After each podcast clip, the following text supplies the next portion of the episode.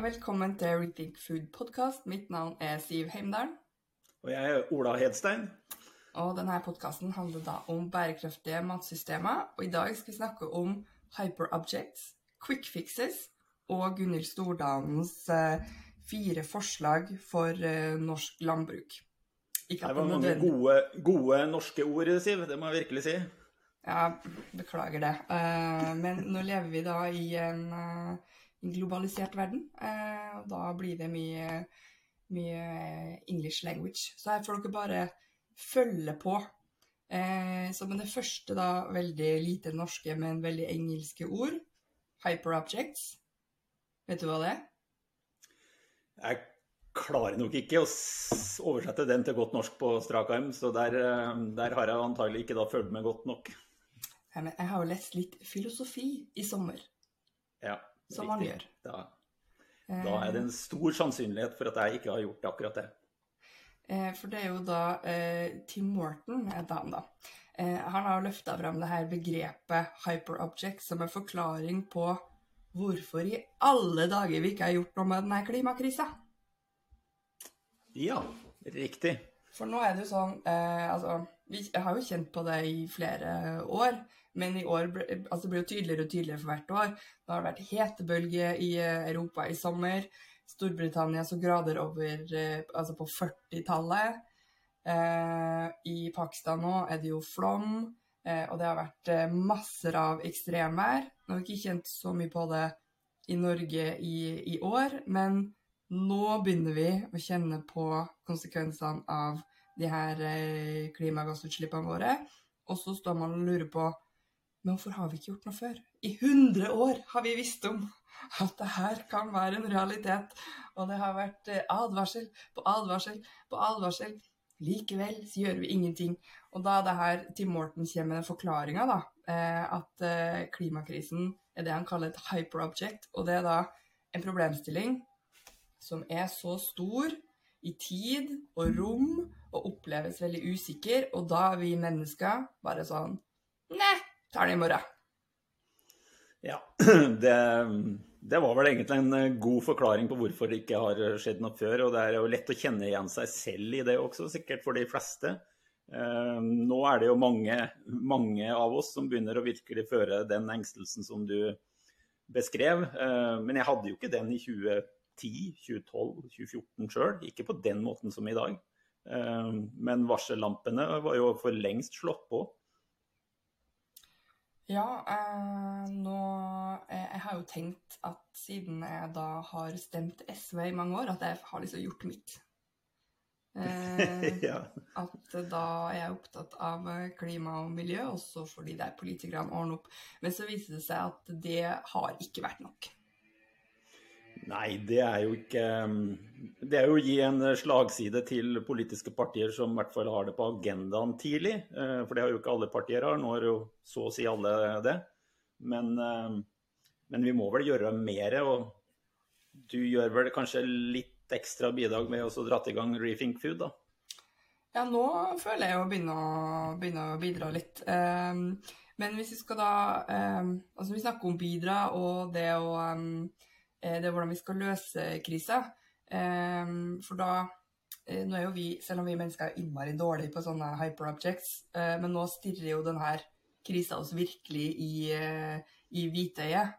Nå kjenner vi jo konsekvenser på kroppen, og det er jo da da reagerer vi. Da er vi mennesker skikkelig gode på problemløsning. Det eneste slagsida ved det, at vi har kanskje en sånn hang til sånn quick fixes. At det skal løses skikkelig fort.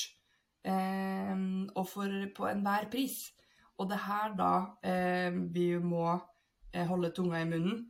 at vi skal, ja, vi skal løse denne kjempestore krisa som virker uoverkommelig. men vi, vi, er jo mennesker, så vi elsker jo problemløsning. Men vi må bare ikke velge de enkleste løsningene, for det kan skape nye hyperobjects.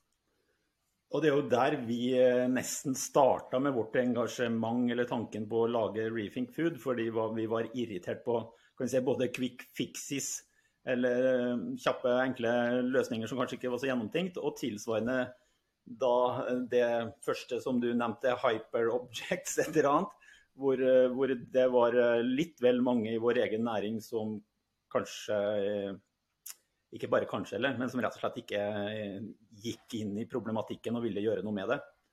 Så de to ytterpunktene, da, sitte i grøfta og håpe det går over, og den andre andre på at vi fikser det enkelt med symbolpolitikk, det er jo dårlige greier. Og det, det må man virkelig si. Altså, det er mange som melder seg klar til tjeneste med symbolpolitikk på, på, disse temaene.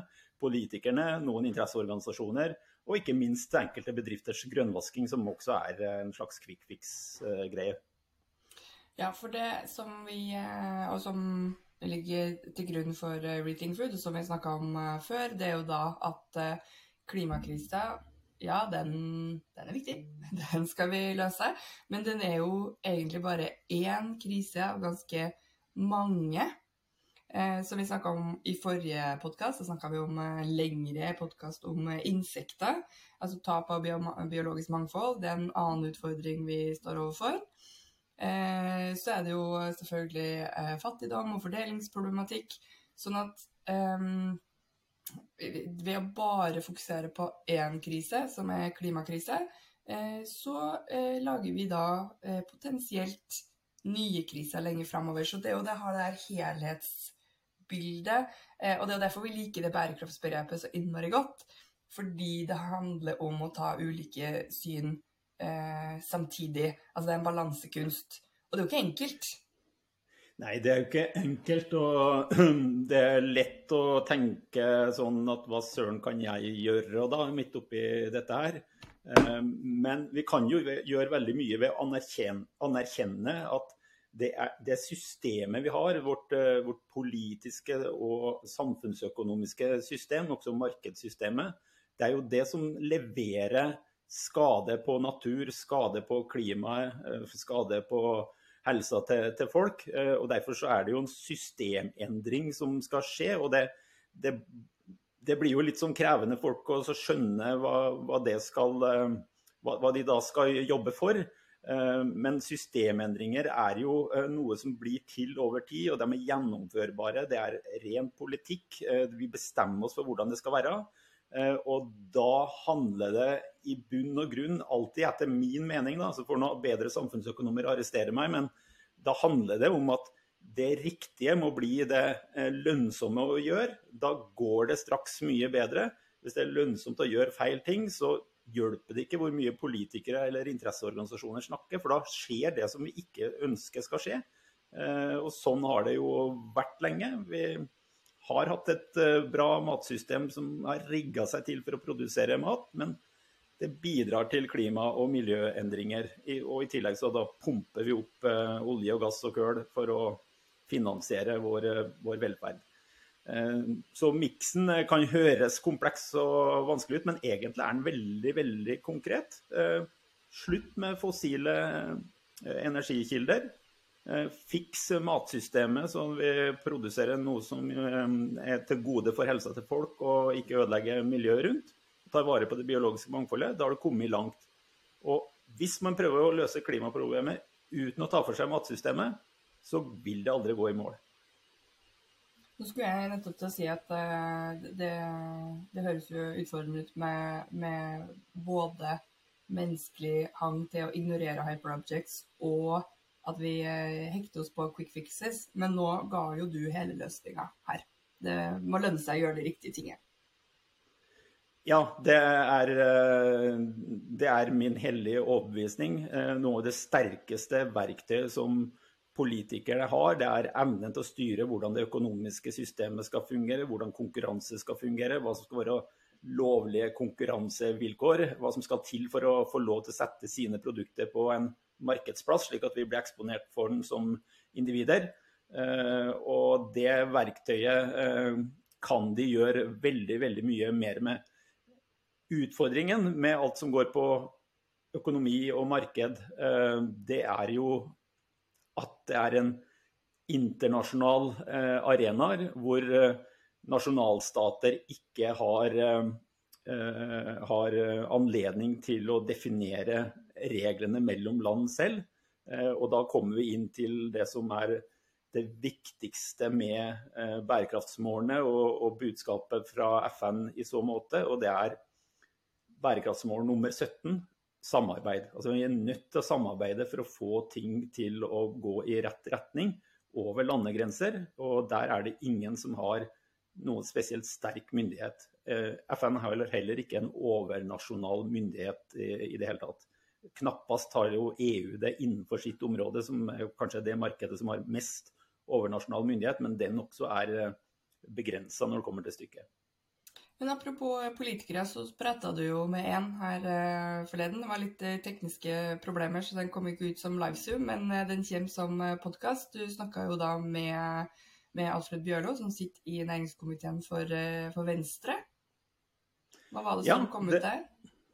Nei, det, det interessante med Alfred Bjørlo som kan si, næringspolitiker og tidligere ordfører på Vestlandet, og som sitter da i næringskomiteen, Eh, det er jo at han har nå vært på tinget i ett år, kjenner politikken veldig godt fra før. Han har vært aktiv i, eh, i Venstre mange, mange år. Eh, og så har han nå da opplevd hvordan fungerer den matpolitiske debatten i samfunnet, og spesielt på Stortinget. da, Og hvordan fungerer jordbruksoppgjøret som arena for å utvikle vår egen matproduksjon. Og han felte jo en ganske skarp eh, dom over systemet og sa at egentlig så får vi jo aldri tatt den store diskusjonen med måten vi har rigga oss til eh, for slike debatter i, i Norge. Eh, jeg oppfatta han dit hen at han anerkjente viktigheten av jordbruksoppgjøret og det som heter Forhandlingsinstituttet, men slo fast at det, eh, det, dekker ikke alt som vi må diskutere, så vi trenger en bredere eh, matdiskusjon, både politisk og i samfunnet. Eh, og sånn sett la seg på linja til eh, Arne Bardalen fra Nibio, som nylig kom ut med en vurdering av forsyningssikkerhet i Norge. Han var inne på det samme behovet. Eh, Gunhild Stordalen har jo gjentatte ganger det siste halvåret invitert eh, landbruksministeren til et samarbeid om en matpolitisk debatt og kanskje en matmelding, rett og slett. En ny matmelding. Uh, uten å ha fått noe særlig respons det, på det. Ja, OK. Men uh, det jo, gir oss da en liten fin uh, Segway over til neste tema. fordi det viser seg jo da at du har vært på konferanse. Og grunnen til at jeg vet det, det er ikke det at jeg snoka i kalenderen din, men jeg har lest i avisa. For der står det jo da nemlig at du har vært på seminar på Dyrskuen og knipsa bilder. Eh, og det ble jo da notert av eh, Nasjonens journalist. Eh, for det var da nevnte Gunhild Stordalen som holdt innlegg. Eh, hvor hun lanserte da noen fire veier for norsk eh, landbruk, som vi skal notere på etterpå. Eh, men så står det jo her da at de her punktene vakte så stor interesse blant publikum at både tidligere administrerende direktør i Norsk landbrukssamvirke og nå grunnlegger av Beating Food og leder i Bonde- og småbrukarlaget, Kirsti Hoff, tok fram mobilen for å knipse bilder av presentasjonen til Stordalen. Altså, det må jeg si, meget fornøyd med nasjonen som følger med på hva du gjør, for da slipper jeg å gjøre det. Ja. Litt creepy.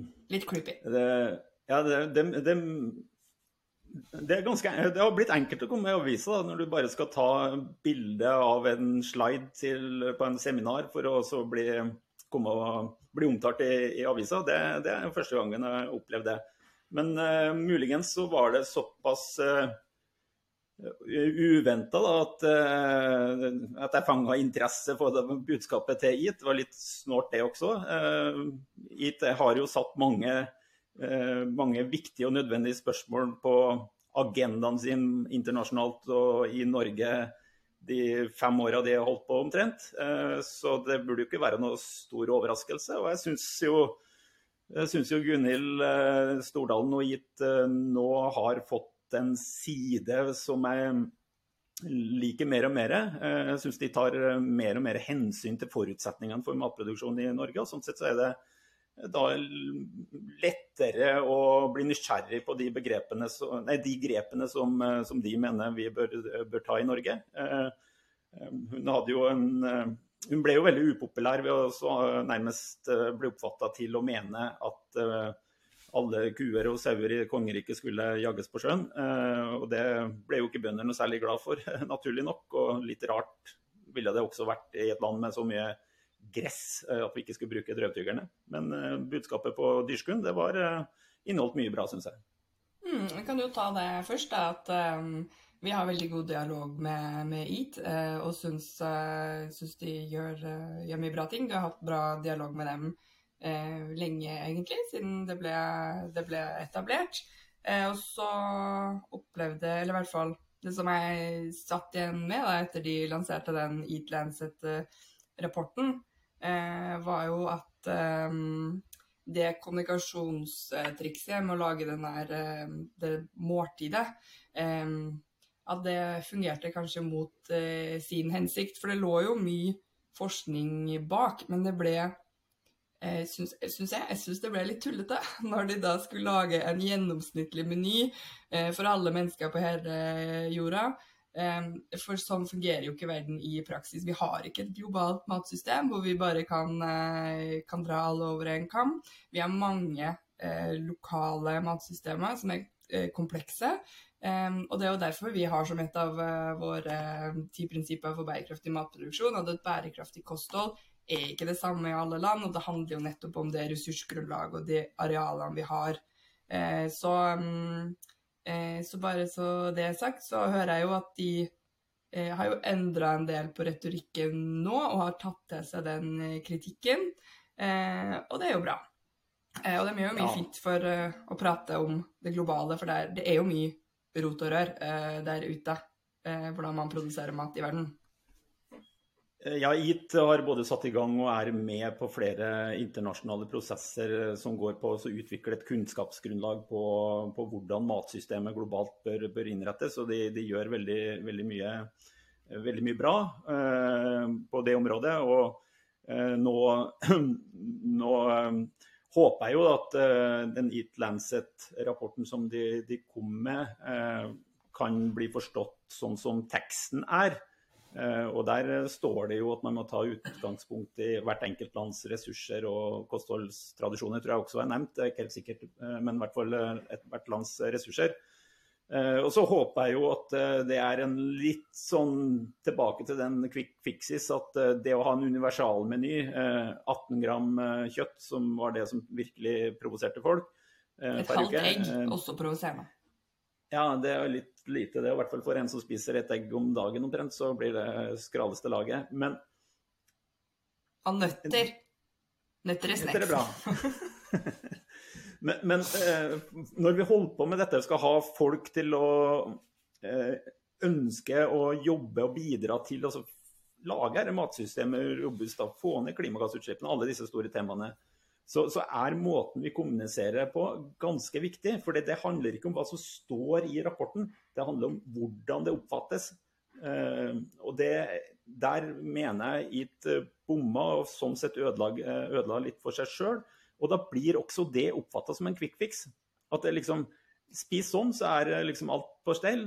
Nei, ikke særlig. Eh, spis gjerne, og aller helst, eh, mye mer plantebasert enn det du gjør. Det er masse som taler for at det er bra.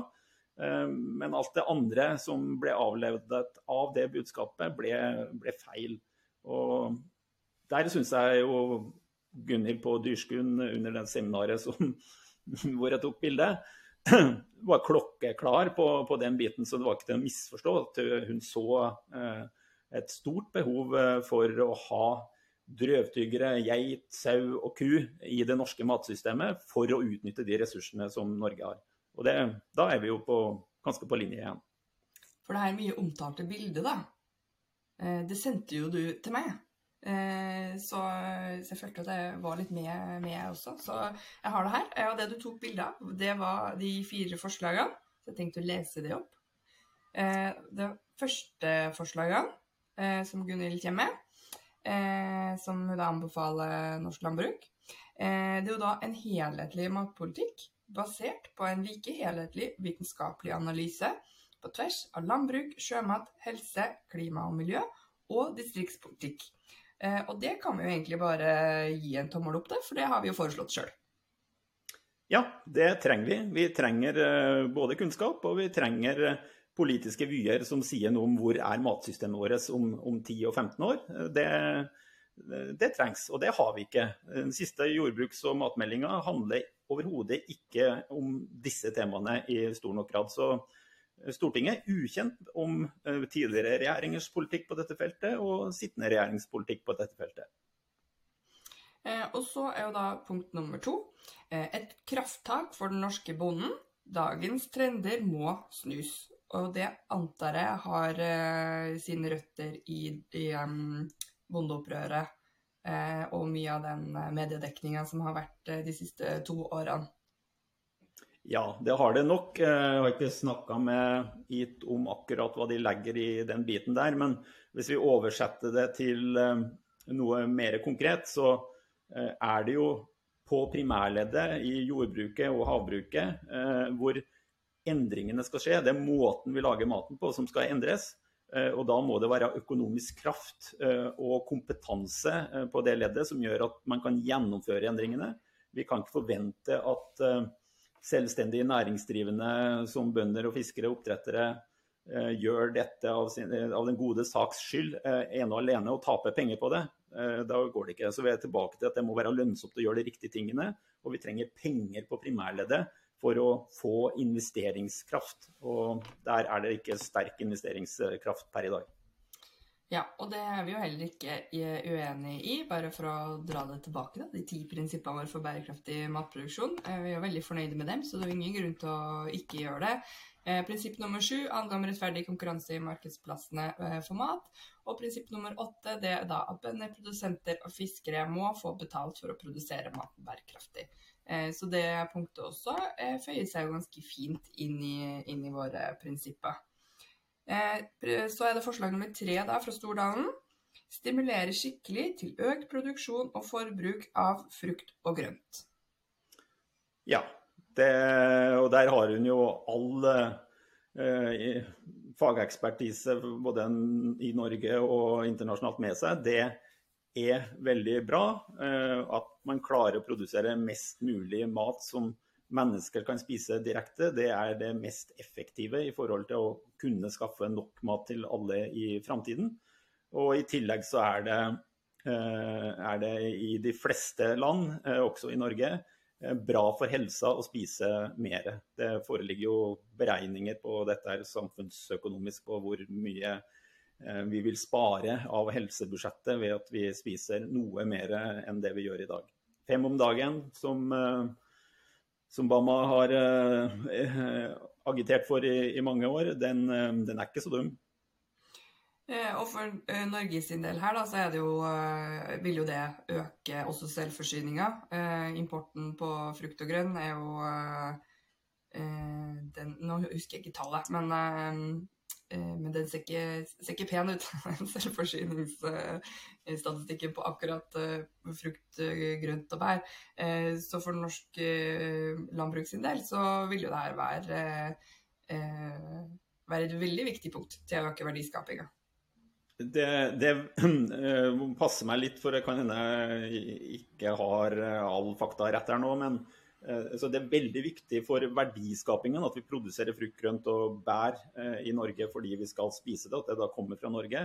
Sånn Selvforsyningsgradsmessig så, så, har det en eh, litt mindre effekt fordi det går på, går på, kalorier og energi. Og da er jo mye av det frukt og grønt vi har, kanskje ikke det sterkeste bidragsyteren på, på, på det.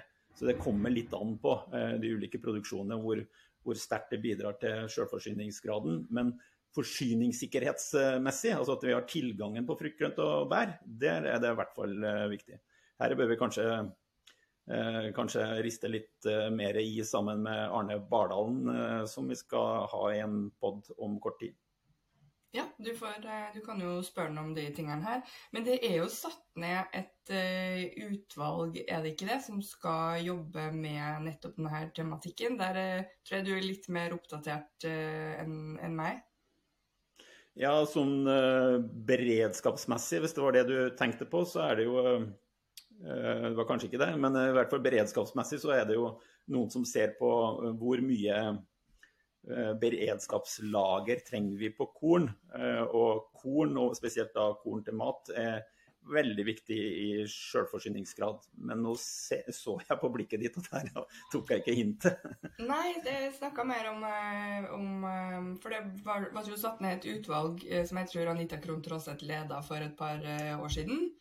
Eh, hvor, hvor, det da ble utnevnt et nytt utvalg, eller en ny gruppe, som skulle, skulle jobbe med, med, med eh, økt uh, verdiskaping fra bærekraftig norsk frukt og grønt, noe sånt. Ja, det, det er riktig. Jeg husker ikke, jeg kom ikke på navnet i farten heller, men uh, hele det, alle primærnæringsaktørene med Gartnerhallen, Gartnerforbundet, faglagene, de har et Eh, et samarbeid gående eh, på både å øke frukt, bær og grøntproduksjon i, i, Norge og styrke bærekraften i, i produksjonen. Så det jobbes med å følge opp det Tråseth-utvalget fortsatt. Eh, og ja, vi kanskje skal ta en prat med de òg i en, en, senere pod for å høre hvor, hvor de står i, i, arbeidet. Jeg er ikke så veldig mye mer oppdatert enn en deg her, tror jeg. Siv.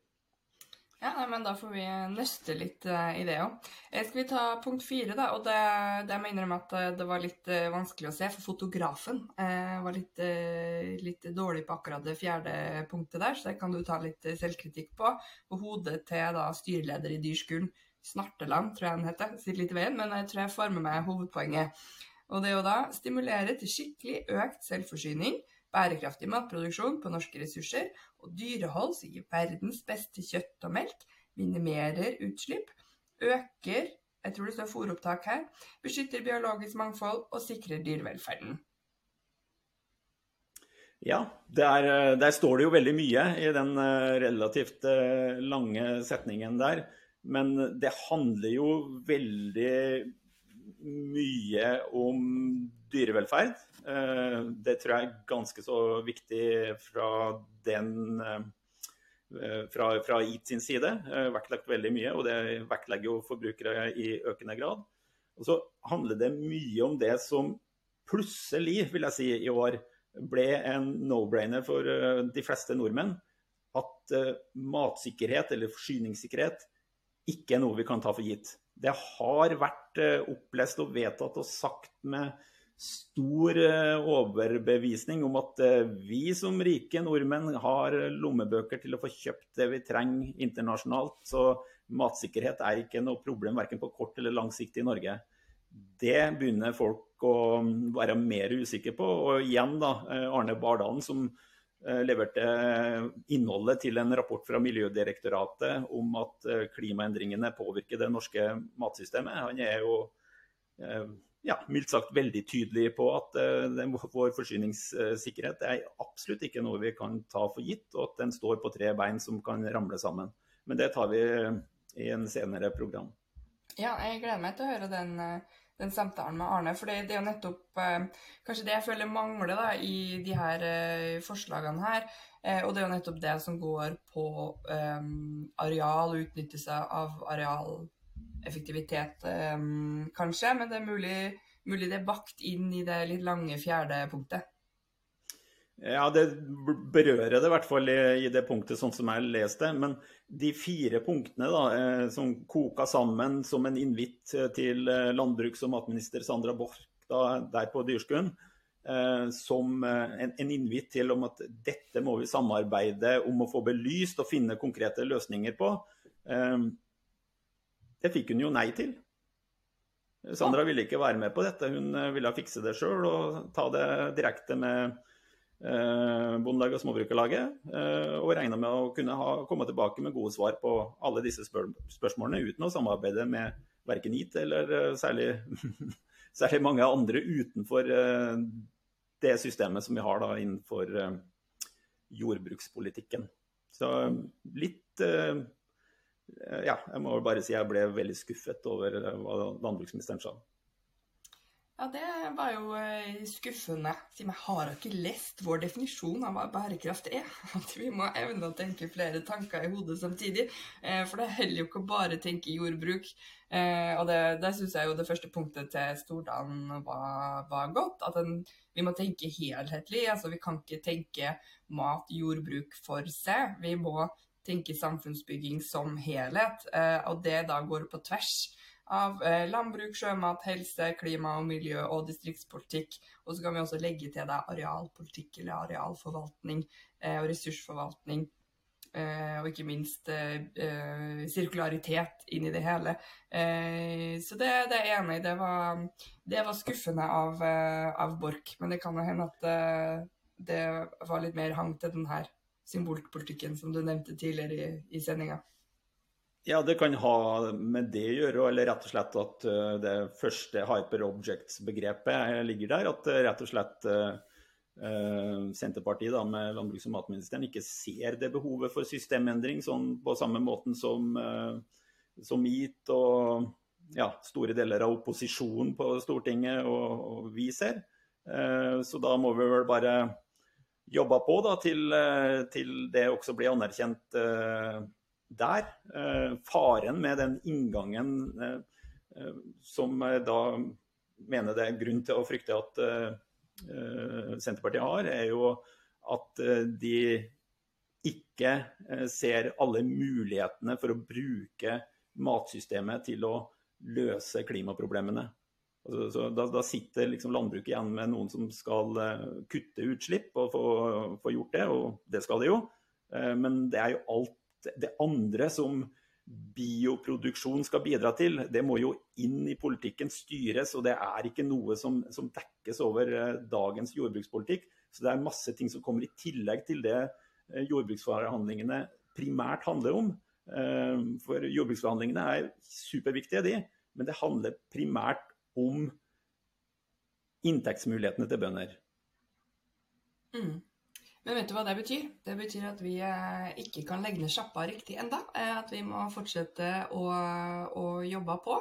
Eh, så det betyr da at vi må avslutte nå, sånn at vi kan gå i gang med alle de andre tingene vi, vi jobber med.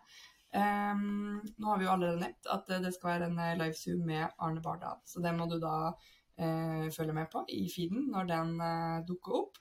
Eh, så håper vi også at du leser på våre nettsider, hvor vi skriver masse spennende saker, hvor du også kan da få litt mer oppdatering på hyperobjects hvis du var nysgjerrig på det.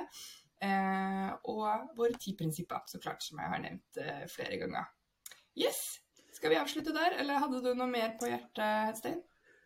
Jeg fikk jo veldig lyst til å begynne å snakke om de ti prinsippene våre, men bare gjentar egentlig det samme som deg, Siv. At eh, vi tok jo, følte vi en liten sjanse når vi prøvde å konkretisere behovet og løsninger på å endre matsystemet i de ti prinsippene.